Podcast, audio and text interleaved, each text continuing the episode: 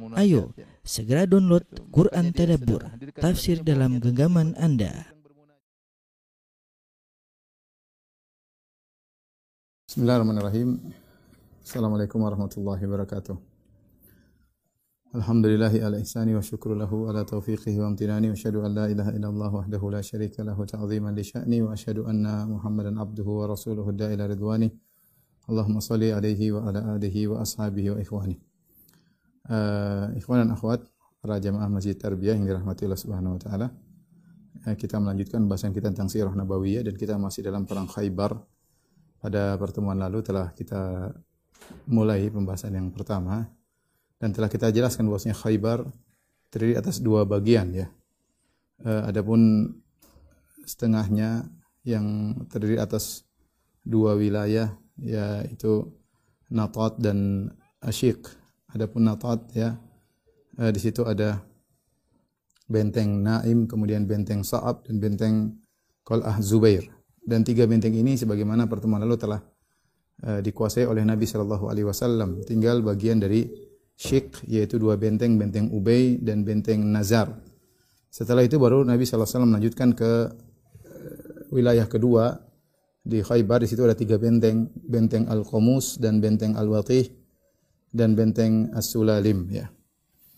Uh, adapun daerah Natat yaitu benteng Naim, kemudian benteng Sa'ab dan benteng Qal'at Az-Zubair telah selesai dikuasai oleh Nabi SAW maka Nabi masuk kepada daerah Syik di situ ada benteng Ubay dan juga ada benteng An-Nazar ya.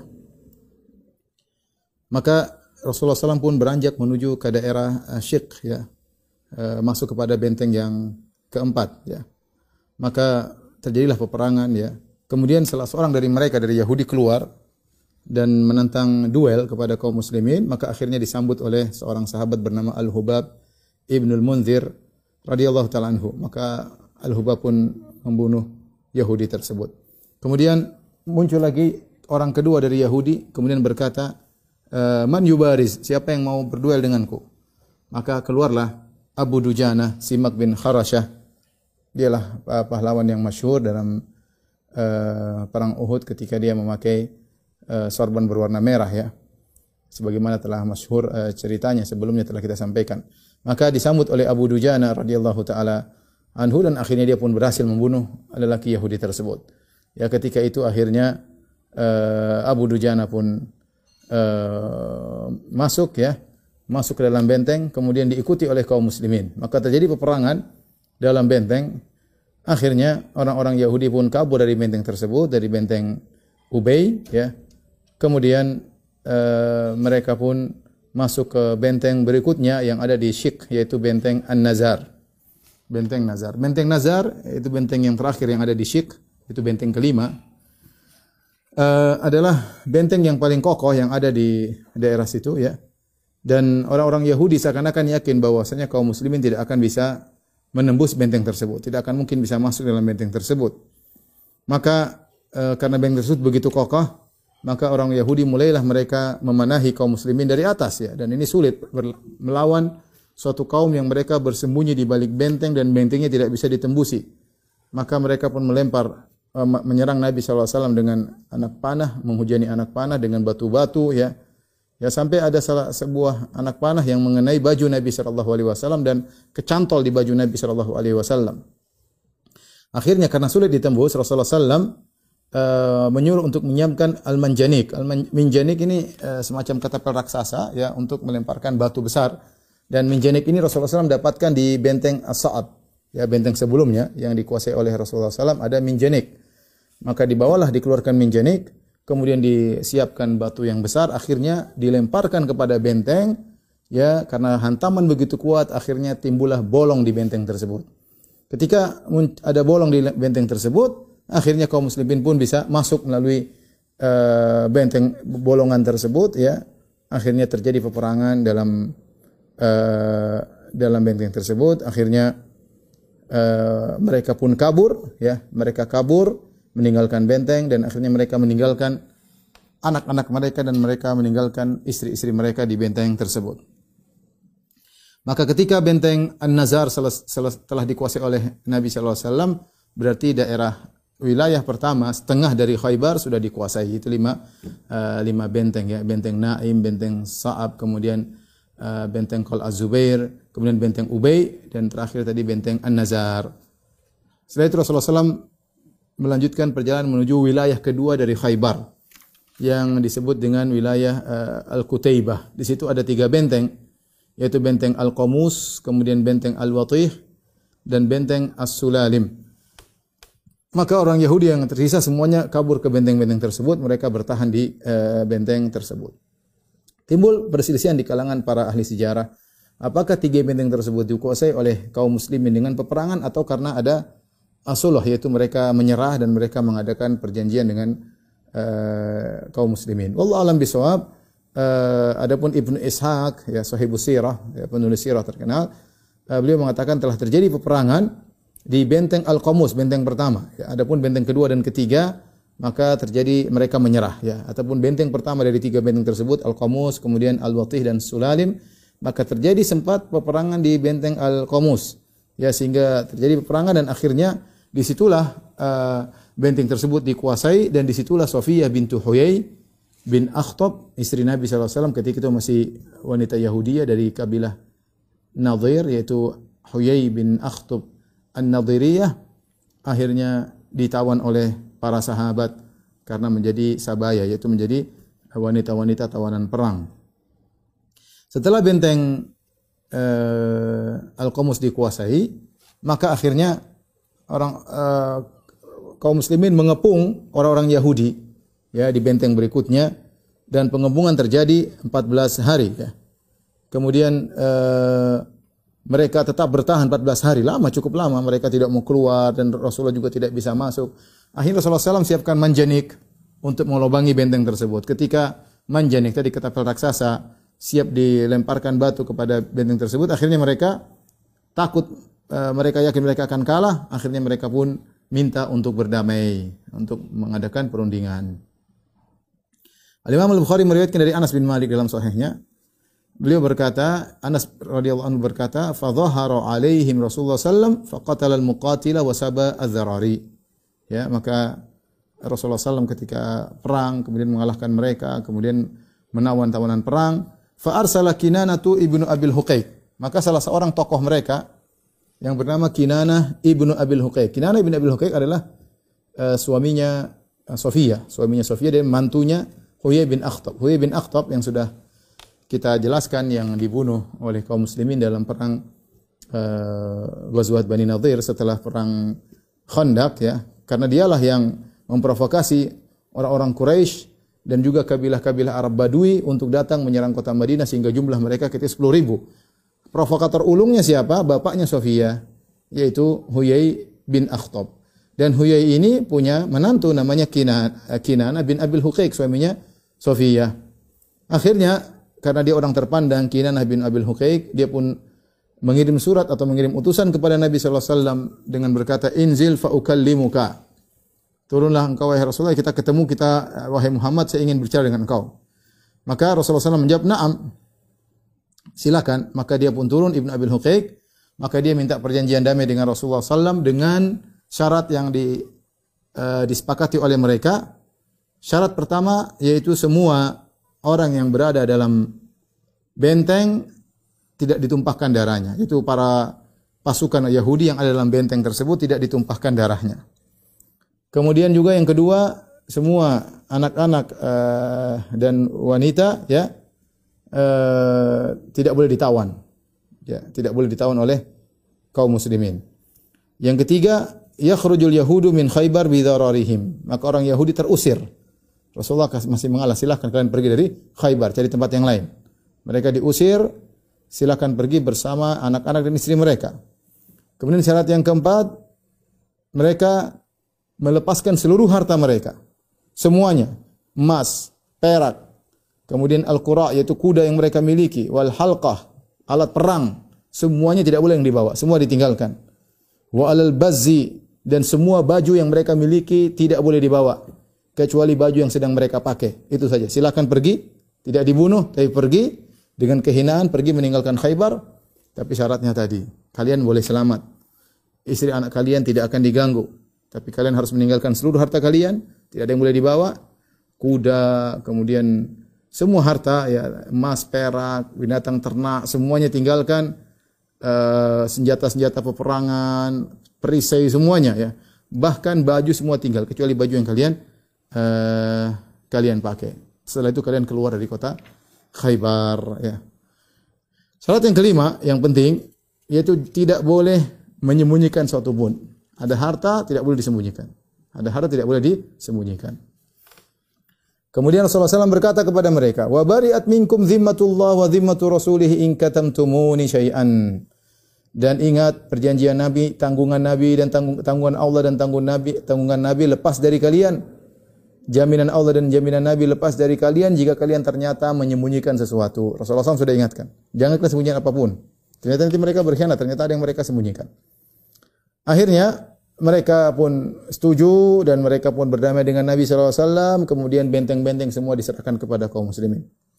Mereka harus pergi meninggalkan Khaybar.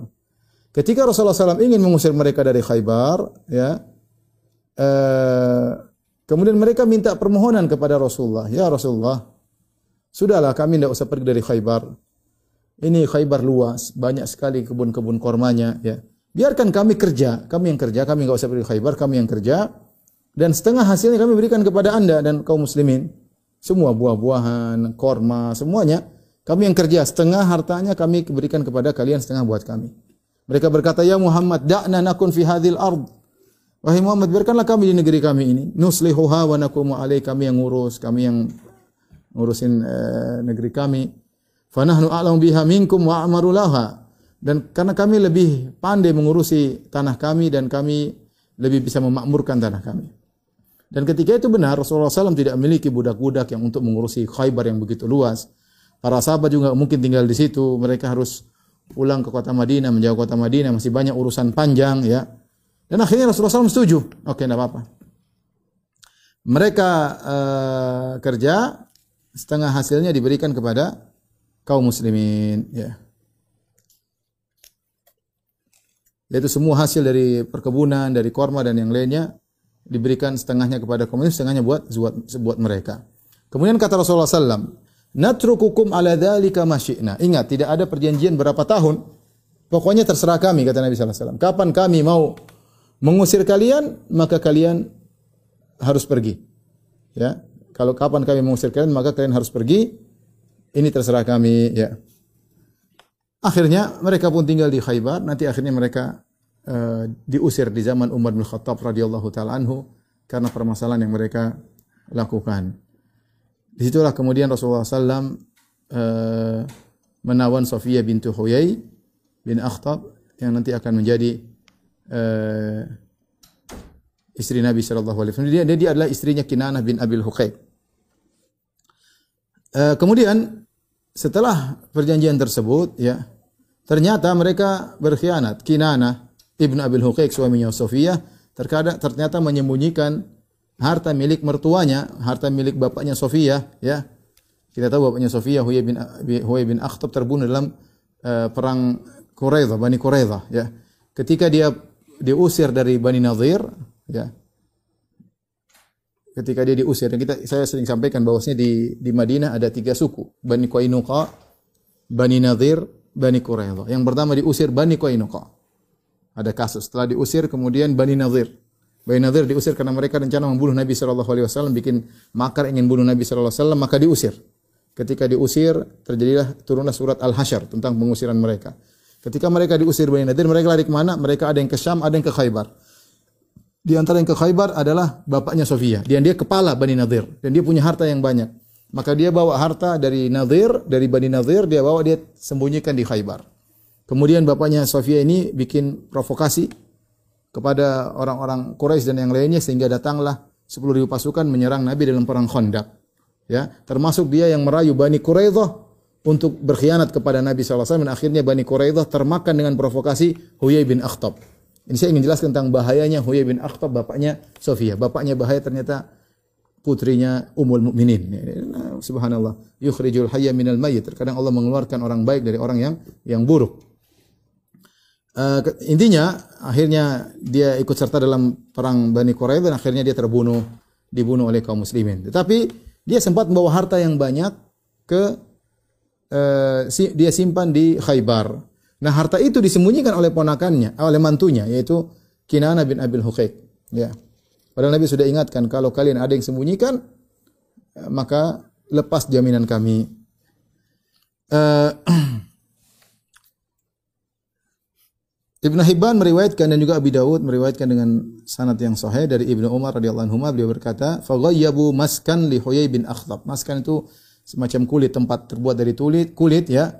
Uh, di situ diisi harta yang banyak milik Huyai bin Akhtab.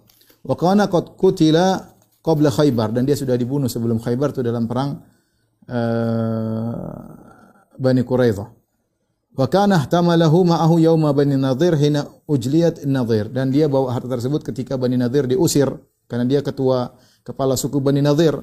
Fihi holiyuhum di situ ada harta-harta Bani Nadir. Ya.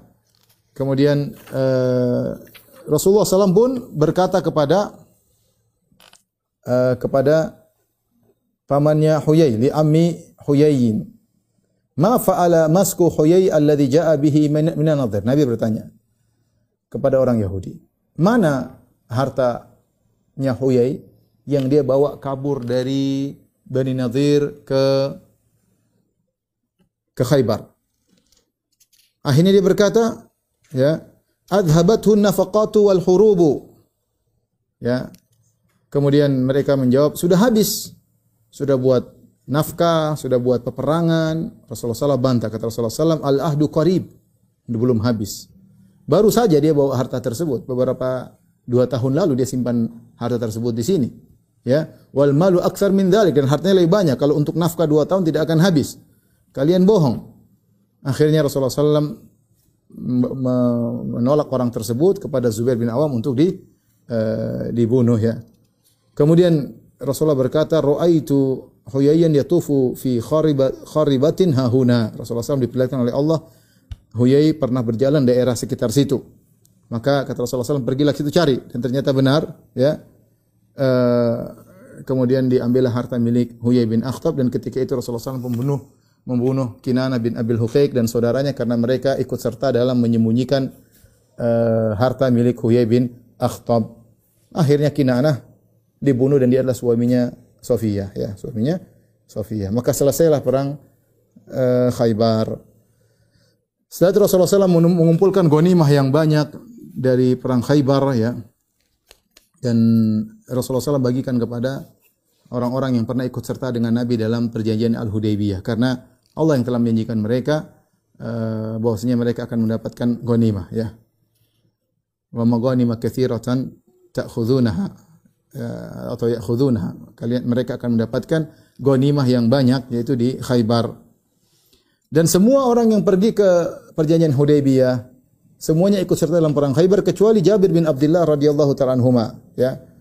Ya, maka eh, Rasulullah SAW tetap memberikan bagian kepada dia karena dia sudah dijanjikan oleh Allah semua yang ikut dalam perjanjian Hudaybiyah ya maka akan mendapatkan bagian dari Khaybar dan Jabir bin Abdullah meskipun tidak ikut dalam perang Khaybar dia tetap diberikan eh, bagian yaitu saham dari ghanimah perang Khaybar. Al-Imam Abi Dawud rahimahullah meriwayatkan dengan sanad yang sahih dari Sahal bin Abi Hasmah bahwasanya Rasulullah SAW membagikan ghanimah dari perang Khaybar menjadi dua. Sebagi, setengahnya buat para prajurit, para pasukan yang berperang dari kaum muslimin, setengahnya disimpan untuk dibawa ke kota Madinah untuk diberikan kepada orang-orang susah, kepada fakir miskin, kepada tamu-tamu yang datang untuk dimuliakan. Tidak semua diambil oleh para mujahidin. Jadi cuma setengah dari harta Khaybar, harta ghanimah dibagi kepada para uh, mujahidin. Ya. Dan di antara dalil kenapa uh, di, di, dibagi setengah, setengah buat mujahidin, setengahnya tidak, karena tadi disebutkan se tidak seluruh benteng dikalahkan dengan peperangan. Sebagian benteng dikalahkan dengan perdamaian, ya. Dikalahkan dengan uh, perdamaian, ya. Sehingga ghanimah setengah saja, ya yang dibagikan kepada para mujahidin. Kemudian Rasulullah SAW ketika membagi ghanimah, Rasulullah SAW melihat bagaimana andil Rasulullah bersikap adil, bagaimana andil seorang prajurit dalam peperangan. Orang yang memiliki kuda kudanya dipakai dalam peperangan, dia mendapatkan dua bagian, dua saham. Prajurit pejalan kaki dapat satu saham. Prajurit pejalan kaki dapat satu saham. Prajurit yang naik kuda, kalau itu bukan kudanya, dia dapat juga satu saham. Tapi kalau dia yang naik kuda dan itu juga kuda miliknya, dia mendapatkan tiga saham. Dia sebagai prajurit dan dua saham sebagai pemilik kuda. Dan ini uh, sikap adil dalam membagi peraturan dalam membagi ghanimah uh, ketika terjadi peperangan. Ini menunjukkan Rasulullah SAW adil melihat bagaimana peran uh, prajurit dalam peperangan. Kita bahwasanya orang yang punya berkuda lebih mematahkan mental musuh karena dia bisa maju, dia bisa sambil berperang naik kudanya dan itu butuh keahlian tersendiri. Oleh karenanya mendapatkan uh, bagian yang banyak dan tidak semua orang punya kuda ketika itu uh, disebutkan bahwasanya Zubair bin Awam, Zubair bin Awam, sepupu Nabi wasallam mendapatkan empat saham. Kenapa empat saham? Satu saham, satu saham buat Zubair, ya. Kemudian satu saham buat ibunya karena kerabat uh, dari kerabat Nabi alaihi wasallam Sofia.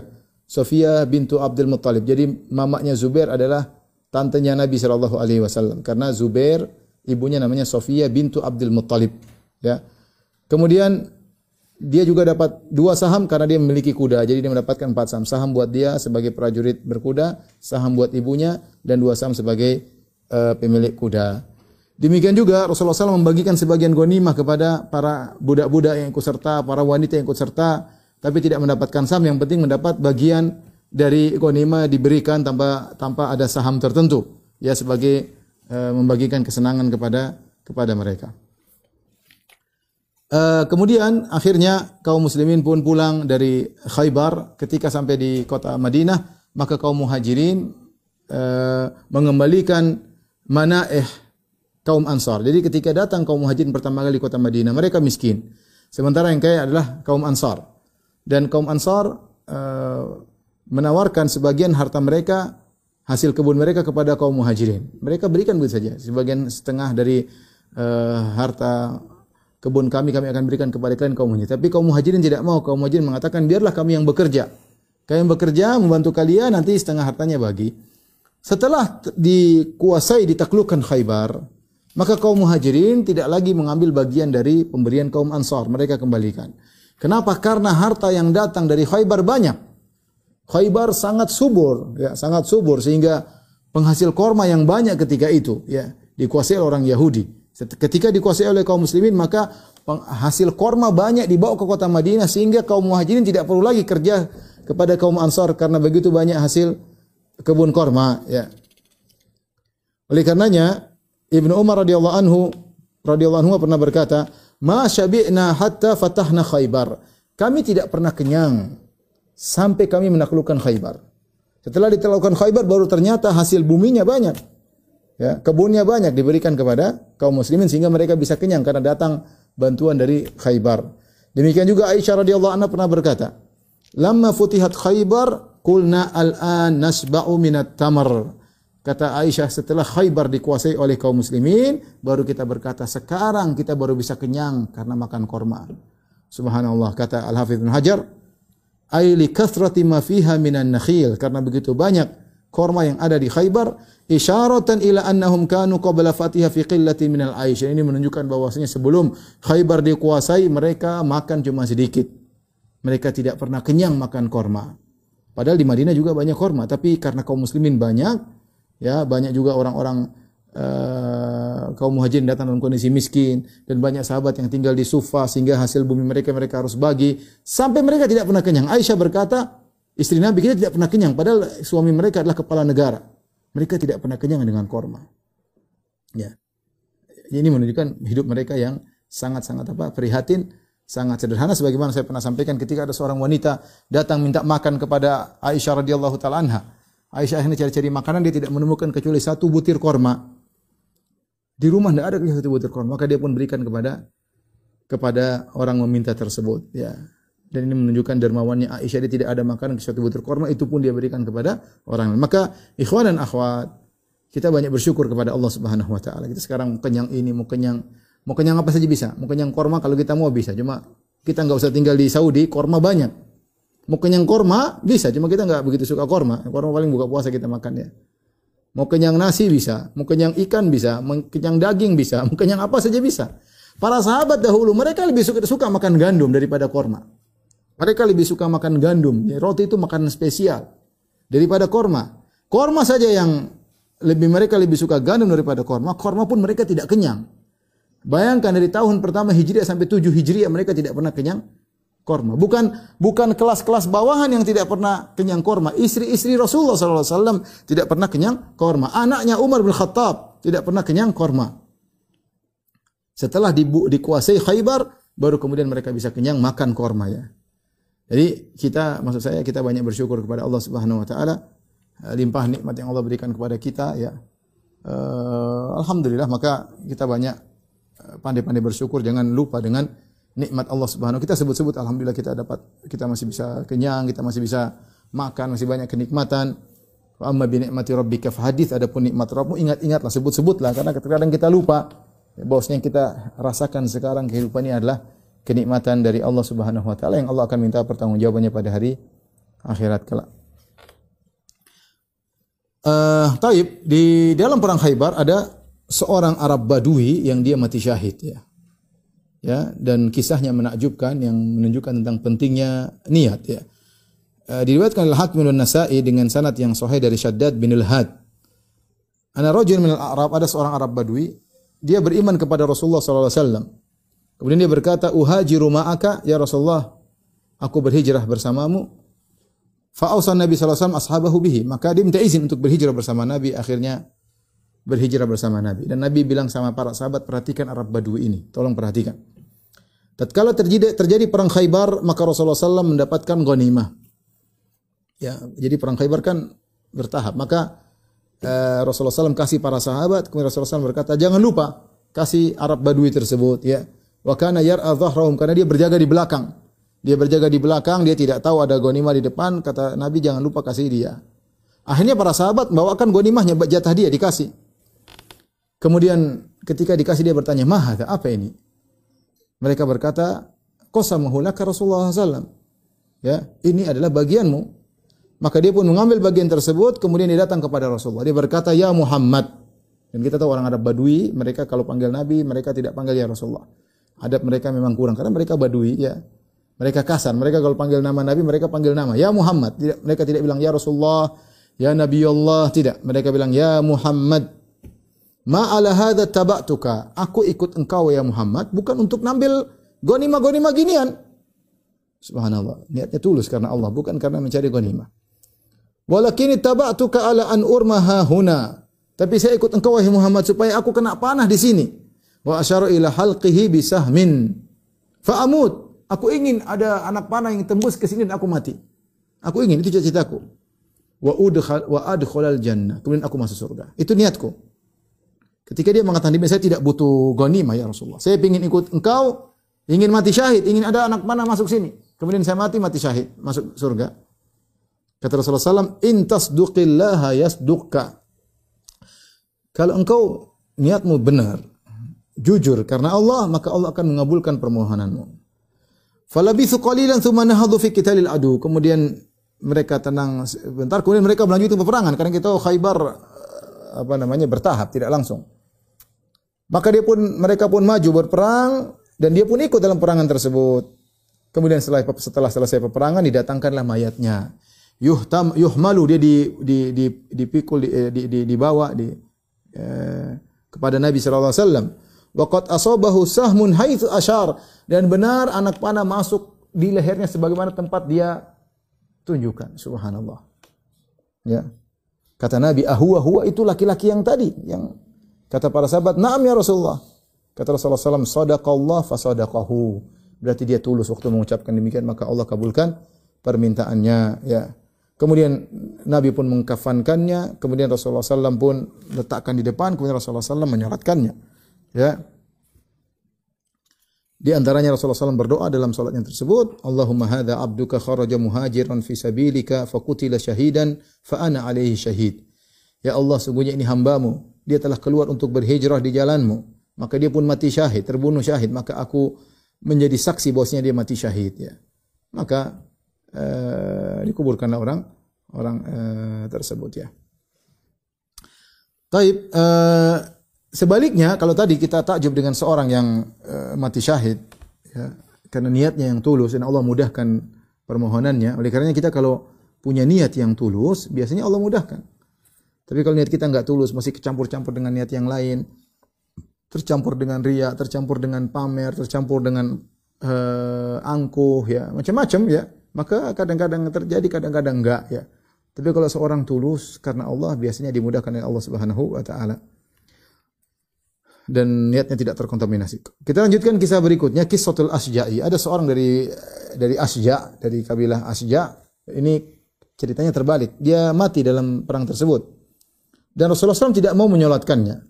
Sebabnya karena dia melakukan gulul. Gulul itu mengambil harta ghanimah ketika sebelum dibagi. Belum waktunya dia ngambil ya, tidak diperbolehkan. Al-Imam Ahmad meriwayatkan dalam musnadnya uh, dan Al-Hakim dengan sanad yang hasan dari Zaid bin Khalid Al-Juhani. Dia berkata, Ana rajulan minal muslimin min Asja tufiya bi Khaybar. Ada seorang laki dari kaum muslimin dari kabilah Asja wafat di Khaybar. Wa annahu dzukira li Rasulullah sallam. Disebutkan ya Rasulullah si fulan wafat. Kata Rasulullah sallam, "Shallu ala sahibikum." Kalian aja yang salat. Aku enggak. Ya. Fataghayyarat wujuhul qaum lidzalik. Mereka bawa kepada Nabi agar Nabi yang salatkan. Sebagaimana Arab Badui tadi Rasulullah yang salatkan. Sekarang malah tidak. Rasulullah SAW mengatakan, Sallu ala sahibikum. Kalian yang salatkan. Aku enggak. Maka para sahabat berubah wajah mereka. Ada apa dengan orang ini? Falamma alladhi bihim, tatkala Rasulullah melihat perubahan wajah mereka, para sahabat heran kenapa Rasulullah tidak mau nyolatkan. Maka Rasulullah SAW berkata, Inna sahibakum ghalla fi sabilillah.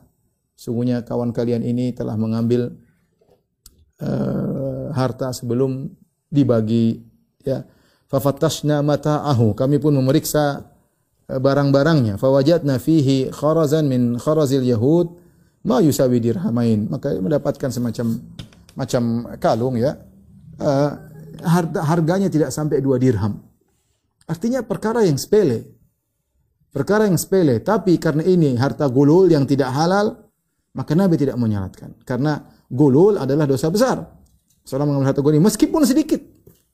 Dua dirham, tidak sampai dua dirham. Rasulullah tidak mau menyalatkan. Ini dalil bahwasanya dibolehkan bagi seorang kiai atau seorang pemuka agama jika ada orang meninggal dalam kondisi melakukan dosa besar, ya dia boleh meninggalkan tidak sholat kepada orang tersebut sebagai pelajaran bagi yang lainnya. Tentu orang tersebut butuh doa, ya tetapi sebagai pelajaran agar yang lain tidak melakukan seperti perbuatannya. Karena kalau ada yang melakukan seperti perbuatannya tidak disolatin.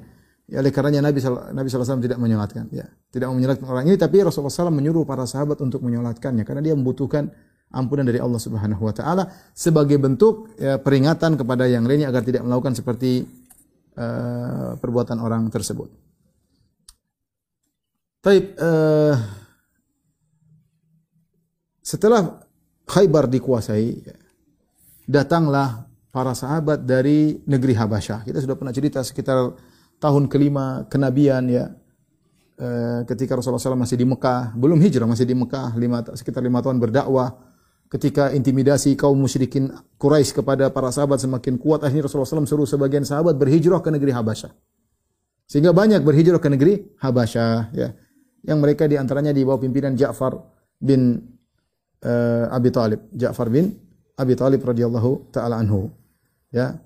Uh, ketika Rasulullah SAW sudah balik ke Madinah, ternyata datang rombongan dari Khaybar datang ke kota Madinah ya.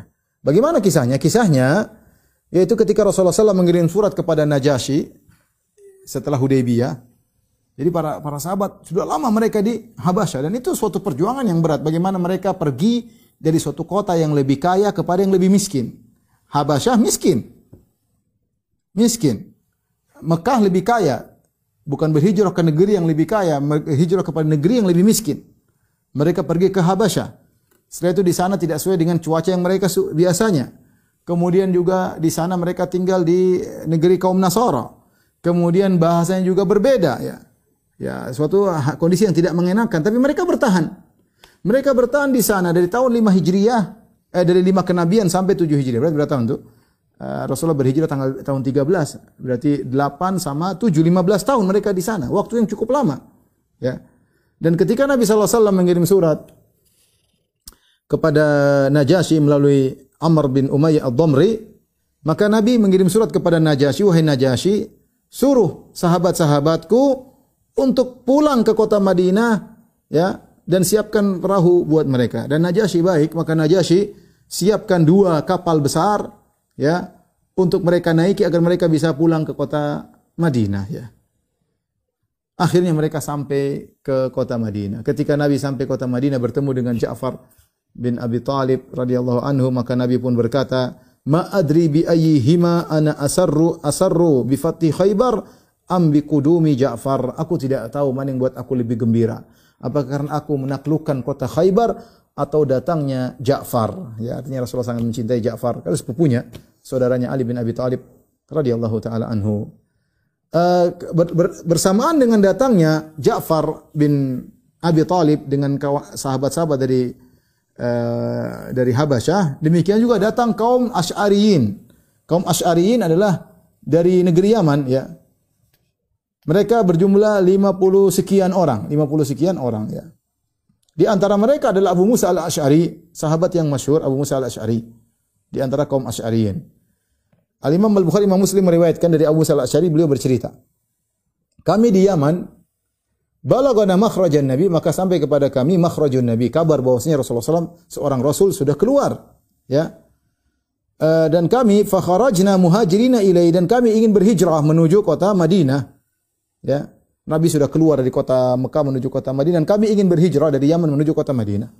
Ana wa akhwani li asgharuhum wa uh, ana wa akhwani li an asgharuhum dan saya bersama dua saudaraku dan aku yang paling kecil di antara mereka. Ahaduhuma Abu Burdah. Salah satunya adalah Abu Burdah, yang satunya adalah Abu Ruhum. Jadi mereka tiga bersaudara bersama rombongan yang lain sekitar 50 sekian. Uh, kemudian faraqibna safinatan. Kami pun naik pra, naik kapal dari Yaman menuju ke Hijaz. Fa'alqatna safinatuna ila Najashi bil Habasyah. Ternyata kami dibawa oleh ombak sehingga kami pun terdampar di negeri Habasyah. Qadarullah fawafaqna Ja'far bin Abi Talib wa ashabahu indahu. Kami di sana kami ketemu dengan Ja'far bin Abi Talib ya. Maka Ja'far cerita, sungguhnya Rasulullah SAW telah mengutus kami ke sini ke Habasyah dan Rasulullah menyuruh kami untuk tinggal di Habasyah dan mereka sudah 15 tahun.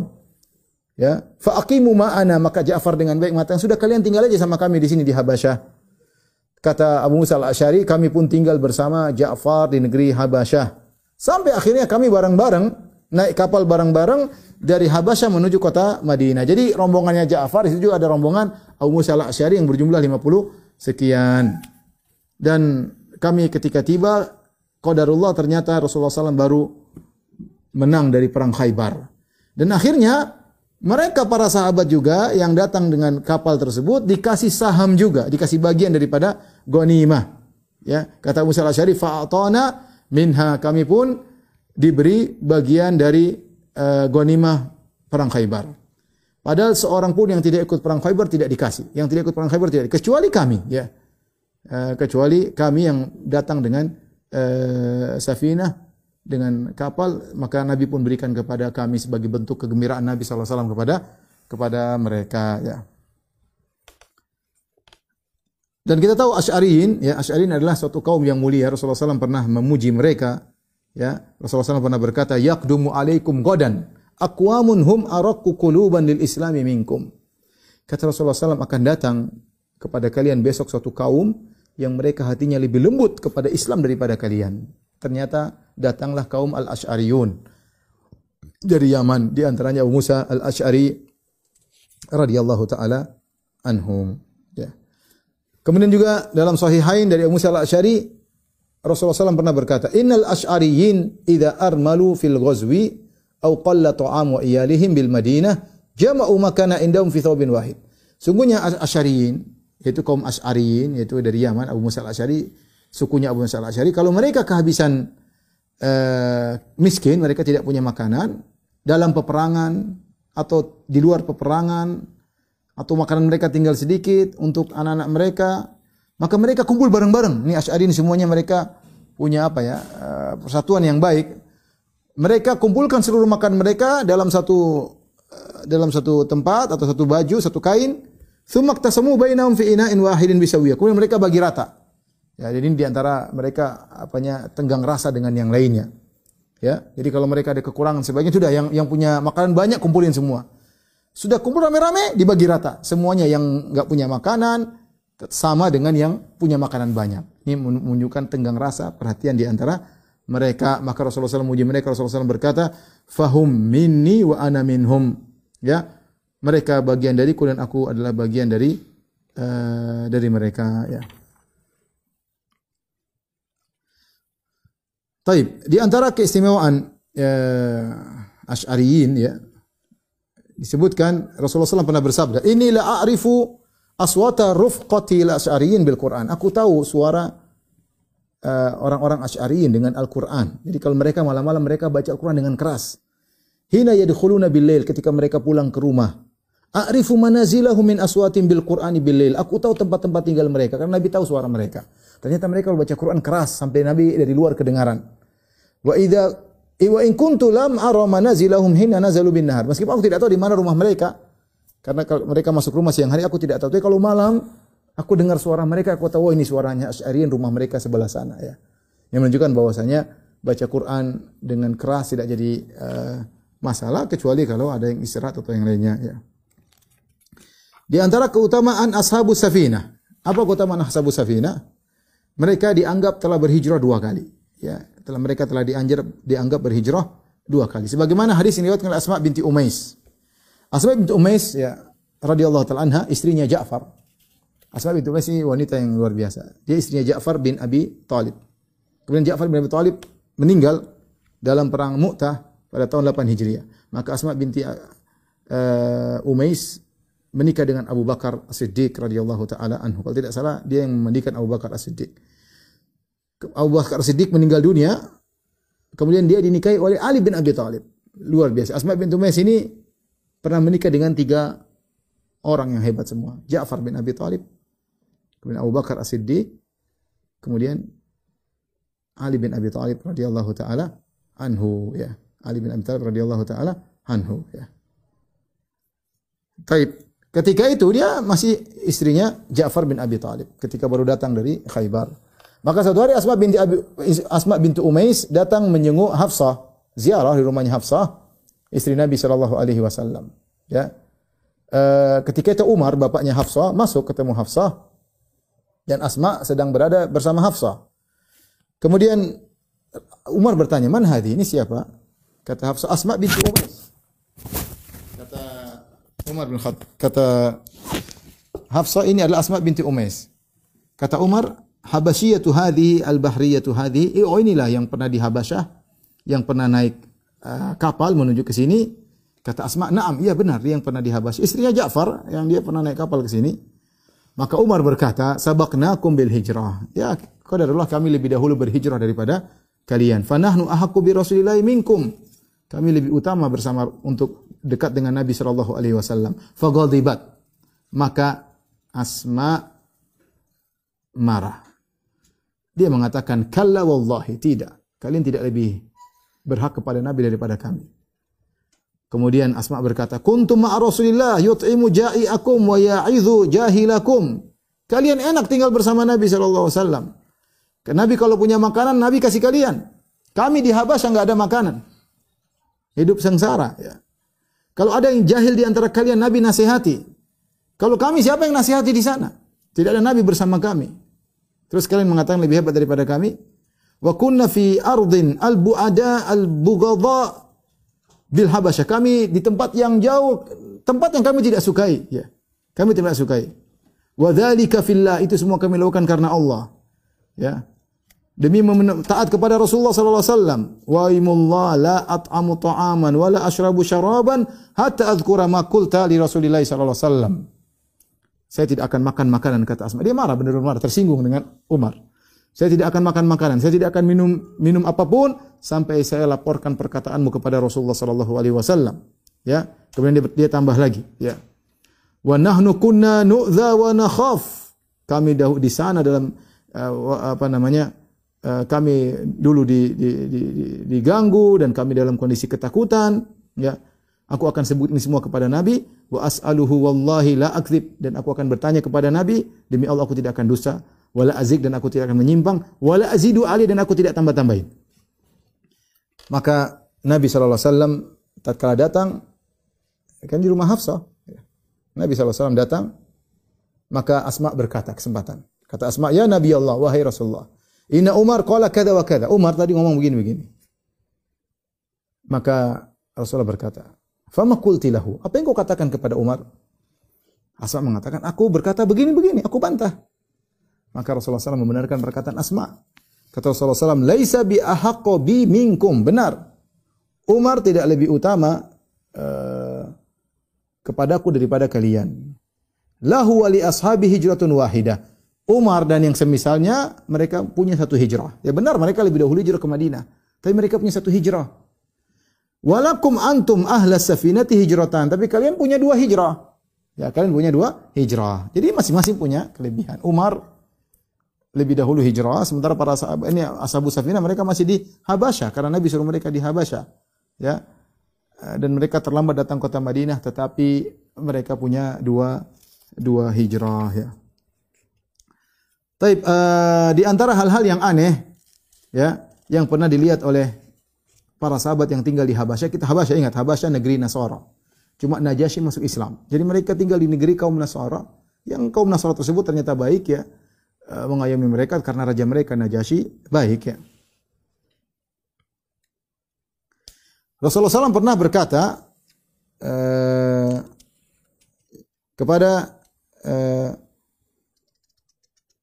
wanita yang berhijrah ya atau kepada orang-orang berhijrah yang lewat kapal dari Habasyah. Rasulullah SAW berkata kepada mereka yang pernah tinggal di Habasyah, "Ala tuhaddithuni bi ma ra'aitum bi ardil Habasyah?" Wahai para sahabatku, kalian pernah tinggal di Habasyah.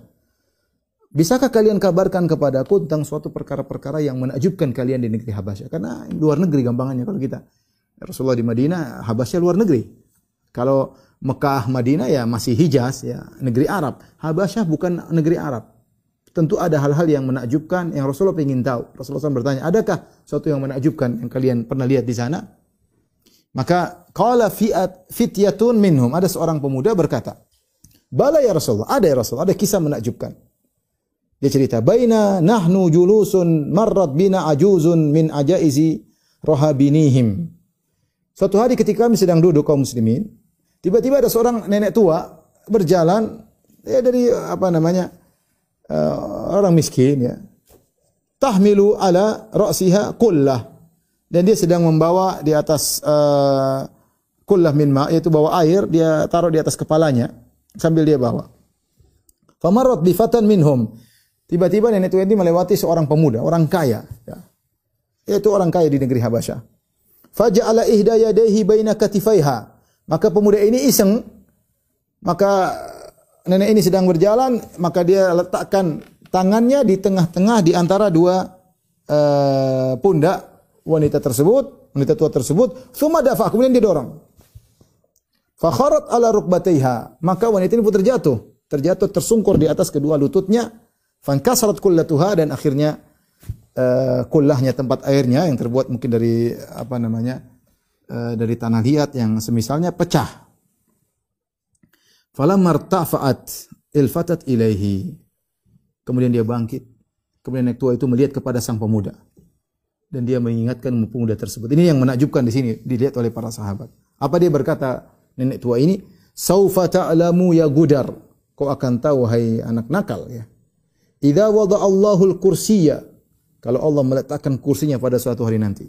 Wa jama'al awwalina wal akhirin dan Allah akan mengumpulkan seluruh manusia dari awal sampai akhir. Ingat dia Nasraniyah. Ini wanita Nasrani. Dia ingatkan, ente sekarang ganggu saya. Nanti ada satu hari, hari kiamat, ketika Allah meletakkan kursinya, Allah mengumpulkan seluruh manusia dari awal sampai akhir. Wa takallamatil aidi dan tangan-tangan akan berbicara. Wal arjul bima kanu yaksibun. Tangan akan ngomong, kaki akan ngomong apa yang mereka perbuat selama di dunia. Fasaufa ta'lam, kau akan tahu. Kaifa amri wa amruka indahu gadan. Kau akan tahu bagaimana urusanku dengan urusanmu di sisi Allah besok. Subhanallah. Ini wanita Nasriyah tapi berbicara seperti orang ustazah yang menyampaikan ayat-ayat Allah bahwasanya manusia akan dimulai dari awal dan akhir.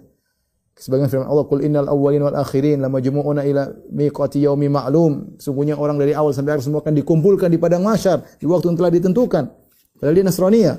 Ya, ini maka tangan lihat nanti. Kemudian dia berkata, tangan-tangan berbicara, kaki-kaki akan berbicara. Persis dalam surat Al dalam Al-Qur'an. Wa tukallima wa tukallimuna aydihim wa tukallimuhum aydi aydihim wa tarjalu wa tashhadu arjuluhum. Ya. Dan uh, sebagaimana Al-Qur'an Kata Nabi SAW mengomentari kisah tersebut, sadaqat, sadaqat. Benar wanita tersebut. Wanita tersebut benar. Kaifa yuqaddisullahu ummatan uh, la yu'khadhu li dha'ifihim min syadidihim. Bagaimana Allah bisa memuliakan suatu kaum yang mereka tidak membela uh, hak orang yang miskin dari kezaliman orang yang kaya atau orang yang kuat ya. Jadi kalau mau umat dimuliakan oleh Allah Subhanahu wa taala, umat tersebut harus membela keadilan ya. Apakah yang terzalimi orang kaya ataupun orang miskin, apakah orang kuat atau orang lemah, semuanya harus di, dibela. Kemudian juga di antara kisah yang menakjubkan, uh, Syekhan diriwayatkan oleh Imam Bukhari Muslim dari Aisyah radhiyallahu taala anha, dia berkata, "Anna Umma Salamah wa Umma Habibata dzakarata kanisah." Ummu Salamah dan Ummu Habibah pernah bercerita, dua-duanya pernah di pernah di Habasyah. Ummu Salamah dengan Abu Salamah ya pernah hijrah ke negeri Habasyah, kemudian ke kota Mekah, akhirnya Abu Salamah meninggal. Kemudian Ummu Salamah hijrah ke kota Madinah, akhirnya menikah dengan Nabi. Jadilah Ummul Mukminin. Sama Ummu Habibah, Ramlah bintu Abu Sufyan pernah berhijrah dengan suaminya Ubaidillah bin Jahshin radhiyallahu anhu yang kemudian meninggal di negeri Habasyah. Kemudian dia balik ke Madinah menikah dengan Nabi sallallahu alaihi wasallam menjadi ummul mukminin. Ini dua-dua ummul mukminin yang pernah tinggal di Habasyah. Mereka ngobrol sama Aisyah itu sesama madu-madu ngobrol. Ada Ummu Salamah, ada Ummu Habibah, ada Aisyah. Mereka berdua cerita, kanisatan ra'ainaha, mereka bercerita mereka pernah lihat sebuah gereja di Habasyah. Fiha tasawir, di sana banyak patung-patung, gambar-gambar. Fadzakarata dzalika li Nabi sallallahu alaihi wasallam. Maka mereka berdua cerita kepada Rasulullah, kami di Habasyah kami lihat ada gereja ada patung-patungnya, gambar-gambarnya. Rasulullah SAW mengomentari. Inna ulaiki atau inna ulaika idza kana fihim rajulu salih famata banau ala qabri masjidan. Sungguhnya mereka itu orang-orang Nasara kalau ada yang meninggal orang soleh di antara mereka dibangun masjid di atasnya, dibangun tempat ibadah di atasnya. Wa sawwaru fihi tilka suwar dan mereka bikin patung-patung tersebut, gambar-gambar tersebut. Fa ulaika syirarul khalqi indallahi yaumal qiyamah. Mereka adalah seburuk-buruk makhluk di sisi Allah pada hari kiamat kelak ya. Karena mereka uh, membuat kuburan di atas uh, membuat masjid di atas kuburan orang soleh dan mereka bikin patung-patung uh, tersebut. Baik demikian saja uh, ikhwan dan akhwat para jamaah masjid uh, Tarbiyah dirahmati Allah Subhanahu wa taala. Insyaallah kita lanjutkan uh, di kesempatan berikutnya insyaallah taala. Wallahu alam bisawab. Demikian saja apa yang saya sampaikan kurang lebih saya mohon maaf. Wabillahi taufiq wal hidayah. Assalamualaikum warahmatullahi wabarakatuh.